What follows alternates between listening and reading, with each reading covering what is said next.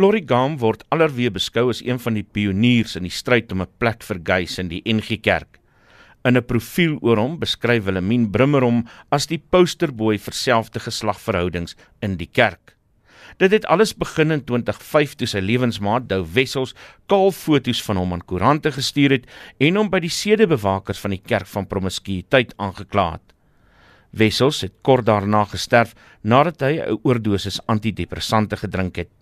Gam sê sy lewe is sedertdien 'n stryd om gays in die geloofsgemeenskap te verwelkom. Ek kom uit die boesem van die kerk en hierdie vandag is 'n geleentheid vir ons om deur die hof bygestaan te word om ons volle lidmaatskap te kan omhels sodat die kerk ook werklik vir ons kan waardeer vir dit wat ons bring dit waarmee ons die kerk wil dien Gam se ewe bekende pa Fritz was vroeër 'n swaar gewig in die NG Kerk. As onder meer redakteur van die kerk se mondstuk Kerkbode, was hy bekend vir sy konservatiewe geloofsuitkyk waarin homoseksualiteit veroordeel word. Hy het sy siening eers drasties verander na Lori se seksuele oriëntasie openbaar geword het. Vandag is hy 'n vurige ondersteuner van die saak waarvoor sy seun veg. Ons het 'n ver pad gekom tot hier met hierdie saak Die kerk het op ver pad ook geloop en in 2015 'n wonderlike besluit geneem. Daarna het dinge verander, maar ons glo dat die reg en geregtigheid nou sal geskied. Die pastorale terapeut en lidmaat van die NG Kerk, Maritjie van Logrenberg, is bekend daarvoor dat sy hand in tand vir die regte van die LGBTI gemeenskap veg. Talle gay lidmate is deur haar spreekkamer omdat hul stryd in die NG Kerk emosioneel net te veel geword het. Van Logrenberg sê die hofsaak is vir haar hartseer. Ten diepste gaan dit vir my oor die menswaardigheid en aanvaarding en insluiting van ons eie NG-kerk lidmate op grond van hulle seksuele oriëntasie.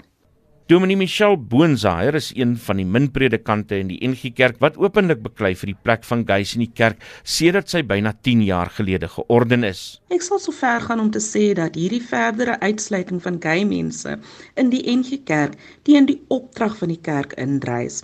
Die vergadering het hulle, hulle In feite hulle het hulle eie kerkorde en kerkregtelike prosesse omseil tot die uitsluiting van mense te verseker.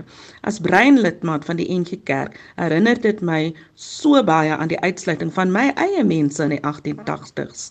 Ons kerkprosesse moet ons lei om menslike gelowiges te wees. As dit nie gebeur nie, dan moet ons land se regters en howe ons help hiermee. Een van die kerk se velste kritici, die joernalis Jean Oosthuizen, het verlede jaar dreigboodskappe gekry toe die saak teen die kerk rigbaar geword het. Die boodskappe is vanaf die foon van Dr. Johan Ernst se seun gestuur.